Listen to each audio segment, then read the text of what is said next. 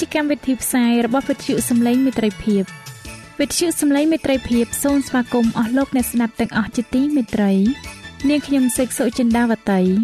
ហើយខ្ញុំបាទអង្គច័ន្ទវិជ្ជៈក៏សូមស្វាគមន៍លោកអ្នកស្ដាប់ទាំងអស់ផងដែរនៅពេលនេះយើងខ្ញុំមានសេចក្តីសុំមនស្សរីករាយដោយបានវិលមកជួបអស់លោកអ្នកនាងកញ្ញាអ្នកស្ដាប់សាជាថ្មីម្ដងទៀត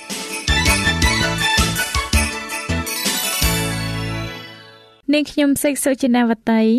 សូមជម្រាបជូនកម្មវិធីផ្សាយដែលមានជាបន្តបន្ទាប់ដូចតទៅនេតិបទទំនាយនិងប្រវត្តិសាស្ត្រនេតិស្ពានជីវិត ចា៎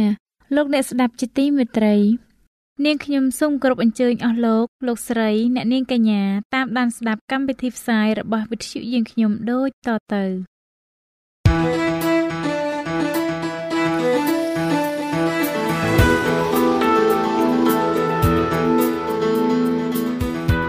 សូមជូននីតិបទទំនាយនិងប្រវត្តិសាស្ត្រ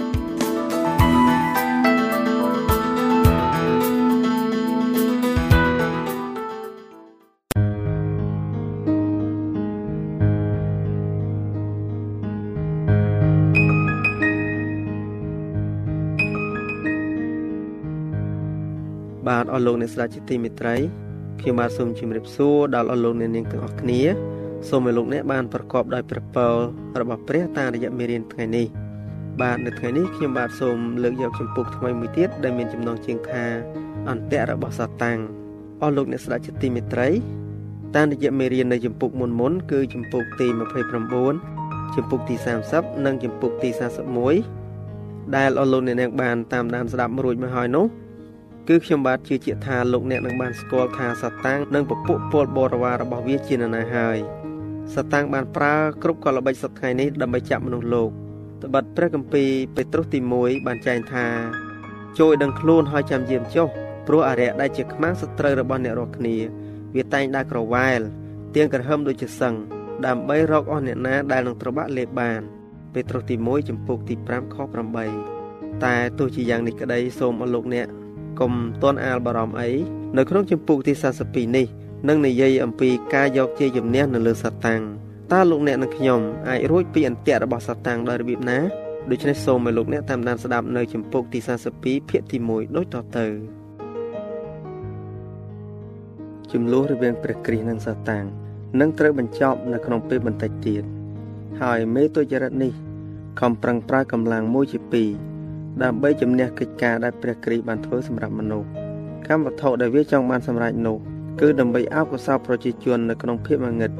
និងភាពរឹងរូសរហូតដល់ការសម្រុះសម្រួលរបស់ព្រះអង្គសង្គ្រោះត្រូវបានបញ្ចប់ទៅ កាលណាមានសក្តីមិនអើពើនៅក្នុងព្រះវិហារសាតាំងវាមិនខ្វល់អ្វីឡើយប៉ុន្តែនៅពេលដែលមនុស្សសួរថា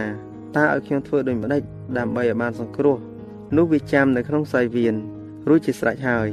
ដើម្បីប្រើអំណាចរបស់វា មកប្រកួតនឹងព្រះគ្រីស្ទហើយទប់ទល់នឹងអធិពល នៃព្រះវិញ្ញាណបរិសុទ្ធមានពេលមួយនៅពេលដែលពួកទេវតា បានយាងមកគល់ព្រះបបិតាសាតាំងក៏បានមកជាមួយពួកគេផងដែរតែមិនមែនមកអោនគោរពដល់ព្រះមហាក្សត្រដ៏មាននៅអស់កលជានិច្ចទេ គឺមកដើម្បីគ្រងគម្រោងនៃសេចក្តីព្យាបាលរបស់វាទាស់នឹងអ្នកសុចរិតថែមទៀតយកចំពុកទី1ខ6នៅពេលដែលមនុស្សប្រជុំគ្នាថ្វាយបង្គំព្រះ វាក៏នៅទីនោះដែរខិតខំធ្វើការយ៉ាងស្វាហាប់ដើម្បីគ្រប់គ្រងចិត្តគំនិត អ្នកក្រាក់ថ្វាយបង្គំព្រះទាំងឡាយនៅពេលដែលវាឃើញ អ្នកនាំសាររបស់ព្រះ បើករកបទកម្ពី វាក៏សម្គាល់មេរៀនដែលនឹងត្រូវអធិប្បាយបន្ទាប់មកវាប្រើកលល្បិចនិងប្រាជ្ញាដ៏ប៉ិនប្រសប់របស់វា ដើម្បីធ្វើកុំឲ្យដំណឹងនោះដែលបានលើទៅដល់អ្នកដែលកំពុងតែស្ដាប់អ្នកដែលត្រូវការសេចក្តីប្រមានជាងគេនោះនឹងត្រូវបានជំរុញឲ្យនឹកឃើញអំពីជំនួញ ឬនឹងត្រូវបានវាបង្ការមិនឲ្យលឺព្រះបន្ទូលដោយមធ្យោបាយផ្សេងទៀតសាតាំងឃើញអ្នកបម្រើរបស់ព្រះអម្ចាស់មានបន្ទុកដោយព្រោះតែភាពងងឹតដែលក្របបាំងប្រជាជន វាបន្លឺសេចក្តីបួងសួងរបស់គេ ទូលសូមនៅព្រះគុណនិងអំណាចពិសិដ្ឋដើម្បីរំលាយការស្រឡាញ់នៃភាពប្រងើយកន្តើយនិងភាពជឿច្រអូសបន្ទាប់មកដោយមានសេចក្តីស្វាហាប់ជាថ្មី វាលបួងមនុស្សឲ្យបណ្ដោយខ្លួន ទៅលើចំណីអាហារ ឬឲ្យបំពន់ខ្លួនម្ល៉េះហើយស្មារតីដឹងខ្លួនត្រូវបានស្ពឹកធ្វើឲ្យគេពុំបានលើនៅអ្វីដែលគេត្រូវរៀននោះឡើយសាតាំងដឹងថាអ្នកណាដែលមិនអើពើទៅនឹងការអធិដ្ឋាន និងការអានព្រះគម្ពីរនិងចាញ់ការវាយសង្គ្រោះរបស់វាហើយដូច្នេះវាបង្កើតឧបាយកលគ្រប់យ៉ាង ដើម្បីធ្វើឲ្យគេស្លងគំនិត សេនាដែលស្អាតរបស់វា គឺមិនមានញឹកជាប់ នៅពេលដែលព្រះប្រកបកិច្ចការ ពួកវានឹងធ្វើឲ្យគេឃើញថា អ្នកបម្រើរបស់ព្រះគ្រីស្ទដែលឧស្សាហ៍ហើយស៊ូលះបង់ខ្លួនត្រូវបានគេបញ្ឆោតឬជាពួកអ្នកដែលបោកបញ្ឆោតគេទៅវិញកិច្ចការរបស់វាគឺដើម្បីមូលបង្កាច់បំណងល្អនៅក្នុងអស់ទាំងអំពើល្អនិងផ្សព្វផ្សាយពាក្យឌៀមដាម ដែលធ្វើឲ្យមានសេចក្តីសង្ស័យនៅក្នុងគំនិតនៃអ្នកដែលខ្វះការពិសោធន៍ប៉ុន្តែយើងគង់ដឹងថា គេជាកូនចៅអ្នកណា ហើយដើរតាមគំរូអ្នកណា ហើយប្រកបកិច្ចការរបស់អ្នកណាហើយអ្នករាល់គ្នាដែលស្គាល់គេបានដោយសារតែផលដែលគេបង្កើតមកថាចំពុកទី7ខ16វិវរណៈចំពុកទី12ខ10មេបញ្ឆោតដ៏ធំមានគោលលទ្ធិបែកឆ្វេងច្រើនណាស់រៀបចំទុកឲ្យអ្នកដែលវានឹងបំផ្លាញដែលមានចំណងចំណូលផ្លាយផ្លាយពីគ្នាគម្រោងការរបស់វា គឺដើម្បីនាំមកក្នុងក្រុមជំនុំនៅសក្តីមិនស្មោះត្រង់ធាតដែលមិនចម្រើនលូតលាស់ ដែលធ្វើឲ្យមានការសង្ស័យនិងការមិនជឿជួនភិកច្រើនដែលឥតមានជំនឿពិតប្រាកដទៅលើព្រះ បានតោងខ្ជាប់ទៅនឹងគោលការណ៍នៃសេចក្តីពិតខ្លះហើយរាប់ខ្លួនថាជាអ្នកគ្រីស្ទៀន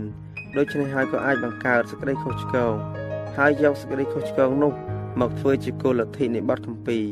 សាតាំងដឹងថាសេចក្តីពិតកាលបើបានទទួលនៅក្នុងសេចក្តីមេត្រីនោះនឹងញែកប្រលឹងឲ្យទៅជាបរិសុទ្ធម្ល៉េះហើយវាសង្វាតរកទ្រឹស្ដីមិនពិតរឿងប្រឌិត និងដំណឹងដតីយកមកបដូរតាំងតែពីដើមមកអ្នកបម្រើទាំងឡាយរបស់ព្រះ បានប្រជែងជាមួយនឹងគ្រូខ្លាំងខ្លាយហើយមិនមែនគ្រាន់តែជា មនុស្សកាច់សាហាវប៉ុណ្ណោះទេ តែជាអ្នកបង្រៀនអប់រំសេចក្តីមិនពិត ដែលគ្រោះថ្នាក់ដល់ជីវិតរបស់មនុស្សលោកហោរ៉ាអេលីយ៉ាហោរ៉ាយេរេមៀនិងលោកសាវកប៉ុលបានជំទាស់យ៉ាងខ្លាំងទៅនឹងការដែលវង្វេងមនុស្សពីព្រះបន្ទូលរបស់ព្រះ ភាពសេរីនិយម ដែលចាត់ទុកថាជំនឿដ៏ត្រឹមត្រូវគ្មានសារៈសំខាន់នោះឃើញថាផ្ទុយស្រឡះពីអ្នកការពារនៃសេចក្តីពិតដ៏បរិសុទ្ធទាំងនេះការបកស្រាយបទកម្ពីដ៏ស្រពេចស្រពិលហើយក្បូរក្បាច់និងទ្រឹស្ដីដែលផ្ទុយគ្នានៅក្នុងពិភពគ្រីស្ទៀនគឺជាកិច្ចការនៃមហាសត្រូវរបស់យើងដើម្បីបំភាន់គំនិត ការមិនចុះសម្រុងនឹងគ្នា ការបែកជាបពពួកនៅក្នុងព្រះវិហារទាំងឡាយគឺភាកច្រើនកើតឡើងដោយសារតែការមូលបង្កាច់បទកម្ពី ដើម្បីគ្រប់គ្រងទ្រឹស្ដីណាមួយ ដែលគេចូលចិត្តដើម្បីលើកស្ទួយគោលលទ្ធិមិនត្រឹមត្រូវនោះអ្នកខ្លះយកខព្រះគម្ពីរខុសពីអត្ថន័យទាំងមូលដោយលើកយកតែកន្លះខមកបញ្ជាក់ចំណុចរបស់ខ្លួន តែកន្លះខទៀតបង្ហាញអត្ថន័យផ្ទុយស្រឡះពីខនោះទៅវិញ គេតាំងគោលចំហរបស់គេ ដោយប្រើខតែពាក្យកណ្ដាលដើម្បីបញ្យល់ឲ្យសមទៅនឹងសេចក្តីប្រាថ្នារបស់មនុស្សជាតិដោយភាពប៉ិនប្រសពនៃសត្វពស់ខ្លះទៀត តោងយករូបភាព និងអត្ថបទរូបហើយបកស្រាយតាមតែតាមតែការនឹកឃើញ ដោយឲ្យតម្លៃតិចតួចណាស់ដល់ទីបន្ទាល់នៃព្រះគម្ពីរដែលជាអ្នកបកស្រាយហើយក្រោយមកគេបញ្ចេញយោបល់របស់គេ ថាជាសក្តិបង្រៀននៃព្រះគម្ពីរនៅពេលដែលគេសិក្សាបទគម្ពីរដោយអធិដ្ឋាន ហើយគ្មានចិត្តជាសិស្សនោះឃ្លាដ៏ស្រួលយល់បំផុតនឹងត្រូវបានបង្កាច់ពីន័យពិតប្រាកដព្រះគម្ពីរទាំងមូលគួរតែបានយល់ ដោយមនុស្សតាមតែពាក្យដែលចែងមកព្រះបានទាយបទទំនាយដ៏ច្បាស់ពួកទេវតានិងព្រះគ្រីស្ទផងដែរបានយាងមកបើកសម្ដែងហើយលោកដានីយ៉ែលនិងលោកយូហាន ដឹងនៅអ្វីដែលបន្តិចទៀតនឹងត្រូវកើតមកវិវរណៈចំពុកទី1ខ1រឿងរ៉ាវសំខាន់សំខាន់ពីសេចក្តីសង្គ្រោះរបស់យើងពុំមែនបានសម្ដែងឲ្យឃើញនៅក្នុងរបៀបឲ្យវង្វេងស្មុគស្មាញដល់អ្នកដែលស្វែងរកសេចក្តីពិតនោះទេ ព្រះបន្ទូលរបស់ព្រះគឺងាយយល់ចំពោះអ្នកដែលសិក្សាដោយមានចិត្តអធិដ្ឋាន ដោយស្រែកចង់បានភាពសេរីនិយមមនុស្សទៅជាងងឹតមើលមិនឃើញនៅអបាយកលទាំងឡាយនៃស្ត្រូវរបស់ខ្លួន វាបានជោគជ័យដោយសារការស្មានរបស់មនុស្សយកមកជំនួសខព្រះគម្ពីរគេបានបំភ្លេចក្រឹតវិន័យរបស់ព្រះ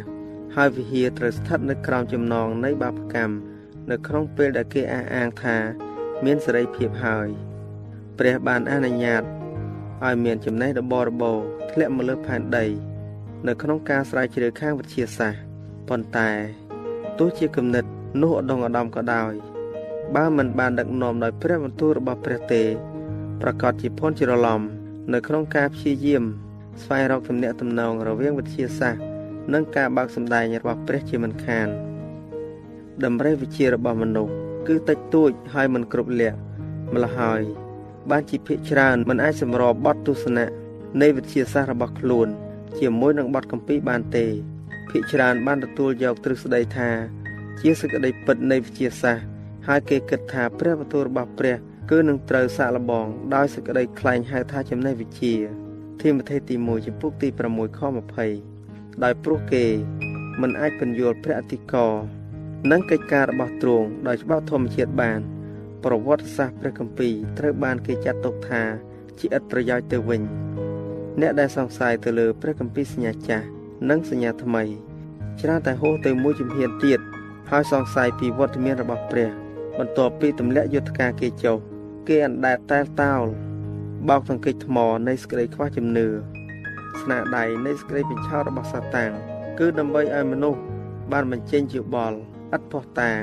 នៅក្នុងសេចក្តីដែលព្រះពុំបានបើកឲ្យយល់លុយស៊ីហ្វឺមិនស្កប់ចិត្តពីព្រោះអស់ទាំងសេចក្តីសម្ងាត់នៃគម្រោងការរបស់ព្រះពុំបានចែករំលែកដល់វា ហើយវាមិនបានគោរពនៅអ្វីដែលបានបើកសម្ដែងឲ្យយល់ឡើយឥឡូវនេះវាប្រឹងម្ដុះម្ដាលចិត្តមនុស្សដោយកិរិយាដូចគ្នាហើយនាំគេឲ្យបដិសេធសេចក្តីបញ្ជាផ្ទាល់របស់ព្រះ ការដែលគេខំសម្ដែងគោលលទ្ធិដោយខ្វះព្រះវិញ្ញាណនិងសេចក្តីលះបង់ប៉ុណ្ណានោះ មនុស្សម្នាក់ក៏រីករាយនឹងទទួលប៉ុណ្ណោះដែរសតាំងវាតែងតែចាំឧបត្ថម្ភនៅអ្វីដែលចិត្តប៉ងប្រាថ្នាហើយនឹងដាក់សេចក្តីបញ្ឆោតជួសសេចក្តីពិតវិញវិធីនេះហើយដែលលទ្ធិកាតូលិករ៉ូមបានកេងអំណាចមកលើគំនិតមនុស្សហើយដោយបដិសេធសេចក្តីពិតព្រោះមានការតាក់ទងទៅនឹងជឿឆ្កាងពួកប្រូតស្តង់គឺកំពុងតែដើរតាមកន្លងផ្លូវដូចគ្នាហើយអ្នកដែលមើលទៅសេចក្តីបញ្ឆោតណាមួយដោយសេចក្តីភ័យរន្ធត់ នឹងត្រូវបានទទួលសេចក្តីបញ្ឆោតមួយទៀតហេតុនោះបានជាព្រះទ្រង់នឹងឲ្យសេចក្តីខុសឆ្គងមកបណ្ដាលឲ្យគេជឿតាមសេចក្តីភូតផលវិញ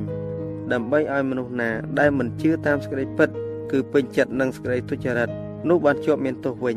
ថាសាលនិកទី2ចំពុកទី2ខ11និងខ12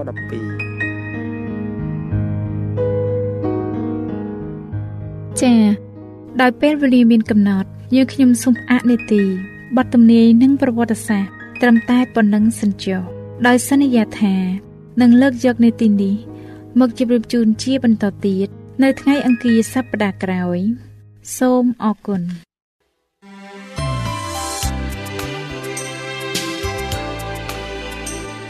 វិទ្យុសំឡេងមេត្រីភាព AWR ជាវិទ្យុដែលនាំមុខគេក្នុងការនាំព្រះរាជសាររបស់ព្រះជាម្ចាស់សម្រាប់លោកអ្នក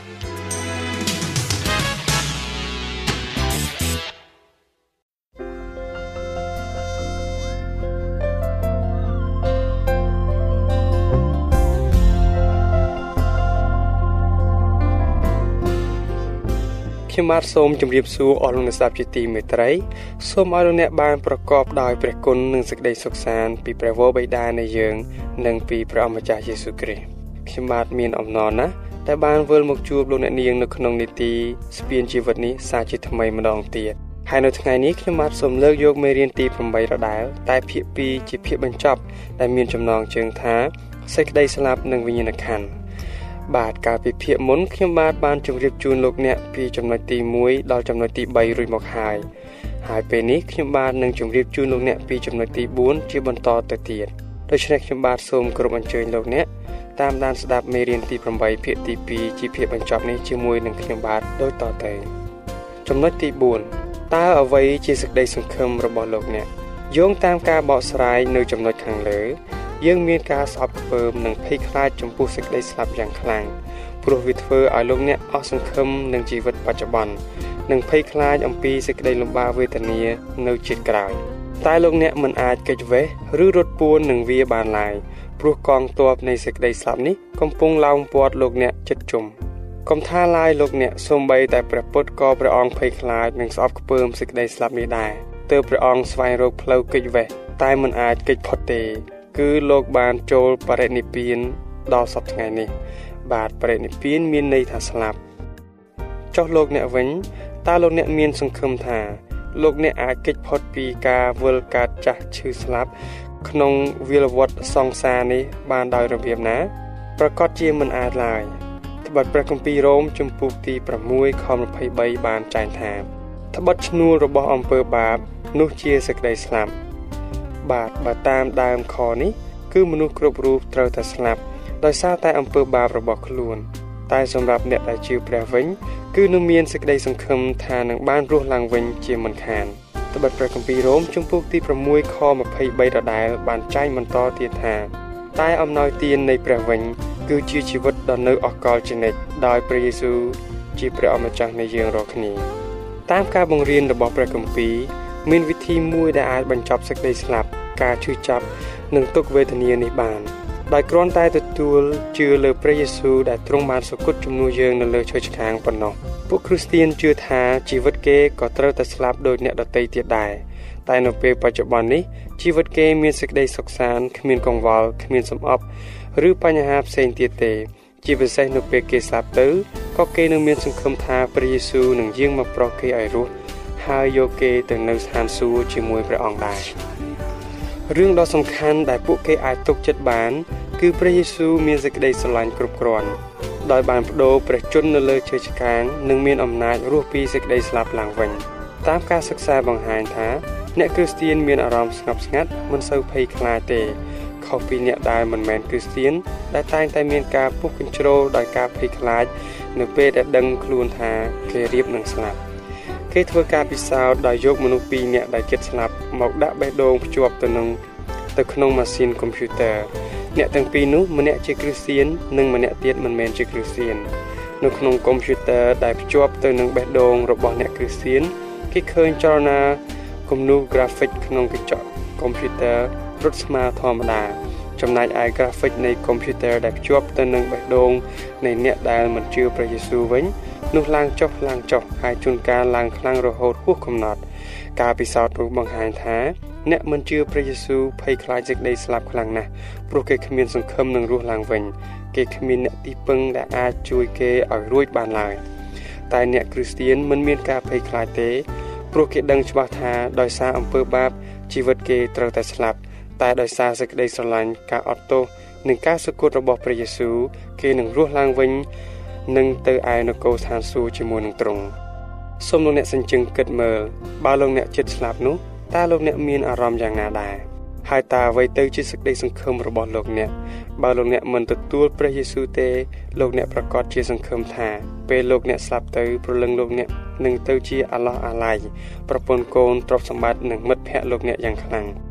ក្រោយមកប្រលឹងលោកអ្នកនឹងលាប្រពន្ធកូនទៅចាប់កំណើតថ្មីទៀតដែលបែកគ្នារហូត តើសេចក្តីសង្ឃឹមបែបនេះជាការល្អប្រសើរដែលលោកអ្នកត្រូវការដែរឬទេចំណែកព្រះយេស៊ូវមានបន្ទូលថាអ្នកដែលជឿលើទ្រង់នឹងមានសង្ឃឹមថាកាលណាស្លាប់ទៅដូចជាការដេកលក់ហើយក៏ភ្ញាក់ឡើងវិញ គេបានជួបព្រះយេស៊ូវបានជួបក្រុមគ្រួសារនិងមិត្តភ័ក្តិគេដែលជឿព្រះយេស៊ូវដូចគ្នាហើយឡើងទៅស្ថានសួគ៌ជាមួយព្រះអង្គនិងពួកទេវតាតើសេចក្តីសង្ឃឹមនេះល្អសម្រាប់លោកអ្នកដែរឬទេ ចំពោះយើងខ្ញុំវិញ យើងខ្ញុំសូមជ្រើសរើសយកសេចក្តីសង្ឃឹមទី2គឺរស់ឡើងវិញ បានជួបជុំក្រុមជំនុំក្រុមគ្រួសារនិងមិត្តភ័ក្តិនៅឯនគរស្ថានសួគ៌បើលោកអ្នកយល់ថាសេចក្តីសង្ឃឹមទី2មានន័យសម្រាប់ជីវិតលោកអ្នកដែរសូមលោកអ្នកទទួលជឿព្រះយេស៊ូវដោយយាងព្រះអង្គមកគង់ក្នុងចិត្តលោកអ្នកនិងសិក្សាព្រះគម្ពីរជាព្រះបន្ទូលរបស់ទ្រង់ដើម្បីកុំឲ្យចាញ់បោកអារក្ស ដែលវាបញ្ឆោតលោកអ្នកថាវាជាព្រលឹងខ្មោចឪពុកម្ដាយអ្នកឬអ្នកនេះឬអ្នកនោះទៀតឡើយហើយកុំឲ្យនៅខ្លាចឬអង្វរកវាទៀតឡើយព្រោះពួកវានេះហើយដែលធ្វើឲ្យលោកអ្នកបាត់បង់សេចក្តីសង្ឃឹមដ៏ពិត គឺជីវិតសុខសាន្តជាមួយព្រះយេស៊ូវនៅឯស្ថានសួគ៌ដោយខ្លាចក្រែងអារក្សនាំអ្នកឲ្យវង្វេងចេញពីសេចក្តីសង្ឃឹមនេះព្រះគម្ពីរលេវីវិន័យជំពូកទី19ខ31បានហាម5ថា កុំឲ្យឯងរាល់គ្នាបែរទៅតាមពួកគ្រូខាបគ្រូមុនអាគមគាថាឡើយក៏កុំឲ្យពឹងរកគេឲ្យសោះក្រែងឯងទៅជាស្មោករោគដោយសារគេដែរឯងនេះគឺយេហូវ៉ាជាព្រះនៃឯងរាល់គ្នាព្រោះបើលោកអ្នកពឹងផ្អែកឬដើរតាមវិញ្ញាណអាក្រក់វានឹងនាំលោកអ្នកឲ្យនៅឆ្ងាយពីព្រះ ដែលជាអ្នកផ្ដល់ជីវិតហើយដើរតាមវាទៅរកសេចក្តីស្លាប់វិញ បងប្អូនអើយសប្តាហ៍នេះលោកអ្នកកំពុងខំប្រឹងប្រែងឥតឈប់ឈរខ្លះធ្វើការរាជការចេញពីកន្លែងមួយទៅកន្លែងមួយ ខ្លះលក់ដូរនៅតាមតូបខខ្លះដើរចល័តពពីនាយខ្លះហៅម៉ួយមិនដាច់ពីមាត់ខ្លះជាកសិករកម្មករធ្វើការហាលក្តៅហាលភ្លៀងដោយមិនខ្លាចនឿយហត់ចំណែកសិស្សនិងនិស្សិតទាំងឡាយក៏កំពុងខំប្រឹងសិក្សារកពេលសម្រាប់គ្មាន ទាំងនេះគឺមកពីចង់បានអនាគតថ្លៃថ្នូរនិងជីវិតសុខសាន្តឲ្យបានយូរអង្វែងតើលោកអ្នកសង្ឃឹមថាលោកអ្នកអាចរកបាននិងថែរក្សាជីវិតនេះបានយូរប៉ុណ្ណាព្រះគម្ពីរលូកាជំពូកទី12ខ16ដល់21បានសម្ដែងអំពីបរិសម្នាក់ដែលបានរុះជង្រុកស្រូវចាស់ដែលតូចចេញហើយពង្រីកឲ្យធំឡើងគាត់គិតថាគាត់នឹងប្រមូលស្រូវដាក់ឲ្យពេញជង្រុកថ្មីនេះគាត់លែងខ្វាយខ្វល់ពីការខ្វះខាតទៀតហើយ យប់នោះគាត់ក៏ស្លាប់ទៅ ស្រូវនោះក៏លែងជារបស់គាត់ទៀតដែរព្រះគម្ពីរហៅបរោះនោះថា ជាបរោះឆោតល្ងងព្រះជាព្រះវរបិតារបស់អ្នកទ្រង់មិនអោយអ្នកស្លាប់ដោយគ្មានន័យឬទៅទីពឹងអារៈដែលគ្មានអំណាចនឹងឲ្យជីវិតដល់អ្នកនោះឡើយគម្ពីរកូរិនថូសទី1ចំពុកទី10ខ20បានហាម5យើងថាមិនមែនជាអ្វីទេឯរបស់ដែលសះដតីបូជាថ្វាយនោះ មិនមែនថ្វាយដល់ព្រះទេ គឺថ្វាយដល់អារៈវិញទេតាហើយខ្ញុំមិនចង់ឲ្យអ្នករាល់គ្នាមានសេចក្តីប្រកបនឹងអារៈឡើយតើអ្នកឃើញទេឡានដែលបងប្អូនកំពុងជិះតែបើកបរដោយអារៈនេះកំពុងបោះពួយយ៉ាងលឿនសម្ដៅទៅជ្រោះមរណៈដែលនៅខាងមុខហើយបើលោកអ្នកនៅតែអង្គុយស្ងៀមទៀតតើលោកអ្នកអាចរួចពីក្តីស្លាប់បានដែរឬទេបើលោកអ្នកលោតចុះវិញតើលោកអ្នករួចពីសេចក្តីស្លាប់ឬទេ មានតែម្យ៉ាងគត់គឺយាងព្រះយេស៊ូវឲ្យចូលកាន់ចង្កូតចាប់ហ្វ្រាំងដោះលេខហើយបត់ក្បាលបង្វែរទិសពីជ្រោះមរណៈទៅកាន់នគរស្ថានសួគ៌វិញតែប៉ុណ្ណោះបាទមានគ្រាមួយនោះមានកូនស្រីលោកមេសាឡាប្រជុំម្នាក់បានស្លាប់គាត់បានទទួលព្រះយេស៊ូវតែទ្រង់មានបន្ទូលថាកុំខ្លាចឡើយឲ្យគ្រាន់តែជឿប៉ុណ្ណោះនោះនាងនឹងបានរស់វិញហើយទ្រង់ក៏មានបន្ទូលទៅកាន់អ្នកដែលកំពុងយំសោកនោះថាកុំយំអីនាងមិនមែនស្លាប់ទេ គឺនាងដេកលក់ទេតើព្រះគម្ពីរលូកាចំពុកទី8ខ25រួចទ្រង់ក៏លូកព្រះហស្ថទៅចាប់កូននោះមក ដោយមានបន្ទូលជាខ្លាំងថាកូនអើយចូលក្រោកឡើងដកស្រង់ពីព្រះគម្ពីរលូកាចំពុកទី8ខ54នាងនោះក៏បានរស់ឡើងវិញឪពុកម្ដាយនាងសប្បាយចិត្តណាស់ព្រមទាំងបានដឹងថាព្រះយេស៊ូវមានអំណាចប្រោសឲ្យរស់ឡើងវិញផងសូមលោកអ្នកយល់ព្រមឲ្យព្រះយេស៊ូវលើកលោកអ្នក បងប្អូនកូនចៅលោកអ្នកពីស្លាប់មកវិញ ដោយគ្រាន់តែជឿលើទ្រង់ដោយមេសាលាប្រជុំនោះចុះបាទអរលោកស្ដាប់ជាទីមេត្រី មុននឹងបញ្ចប់ខ្ញុំបាទសូមជូននៅសំណួរខ្លះសម្រាប់លោកអ្នកធ្វើការពិចារណាសំណួរទី1តើចំណេះវិជ្ជានិងទ្រព្យសម្បត្តិដែលមនុស្សខំសន្សំនឹងគ្មានន័យនៅពេលណា សំណួរទី2តើអ្នកគ្រីស្ទានជឿថា ការស្លាប់គឺជាអ្វី សំណួរទី3ប្រសិនបើបងប្អូនលោកអ្នកត្រូវខ្មោចជីដូនជីតា មកធ្វើឲ្យឈឺតើអ្នកជឿថាជីដូនជីតារបស់អ្នកមែនឬទេព្រោះអ្វីសំណួរទី4ក្រោយសិក្សាមេរៀននេះតើអ្នកអាចរកឃើញផ្លូវដោះស្រាយឲ្យរួចពីសេចក្តីស្លាប់យ៉ាងណា សំណួរទី5ការជឿលើព្រះយេស៊ូវនិងមិនជឿតើមួយណាដែលធ្វើឲ្យជីវិតលោកអ្នកមានសង្ឃឹមជាងហេតុអ្វី បាទអរលោកអ្នកស្ដាប់ជាទីមេត្រី ពេលវេលានៃនីតិស្ពានជីវិតរបស់យើង បានមកដល់ទីបញ្ចប់ហើយមេរៀនស្ពានជីវិតចំពុកទី8ដែលនិយាយពីសេចក្តីស្លាប់និងវិញ្ញាណក្ខន្ធនេះក៏សន្មតថាចប់ដោយបរិបូរហើយដែរហើយខ្ញុំបាទនឹងវិលមកជួបលោកអ្នកនាង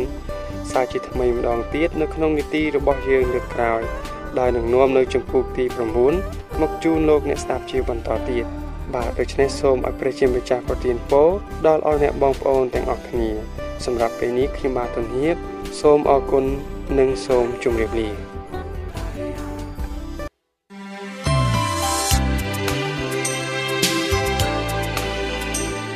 វិទ្យុសំឡេងមេត្រីភាព AWR មានផ្សាយពីរដងក្នុងមួយថ្ងៃ គឺព្រឹកនៅម៉ោង6និងពេលយប់នៅម៉ោង8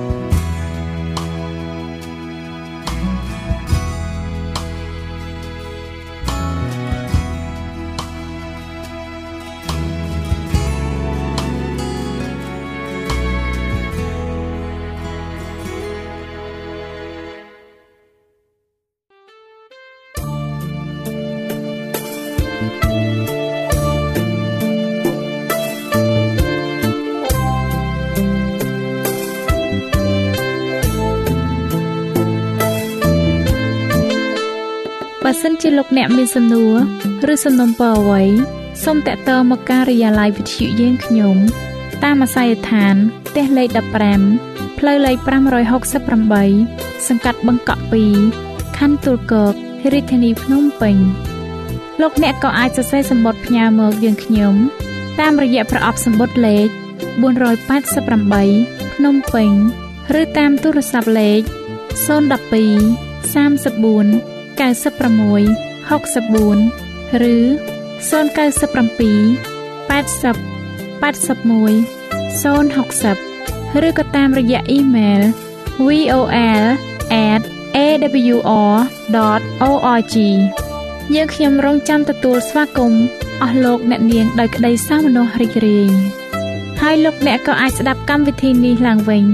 ដោយចូលទៅកាន់ website របស់វិទ្យុយើងខ្ញុំ តាមរយៈអាស័យដ្ឋាន www.awr.org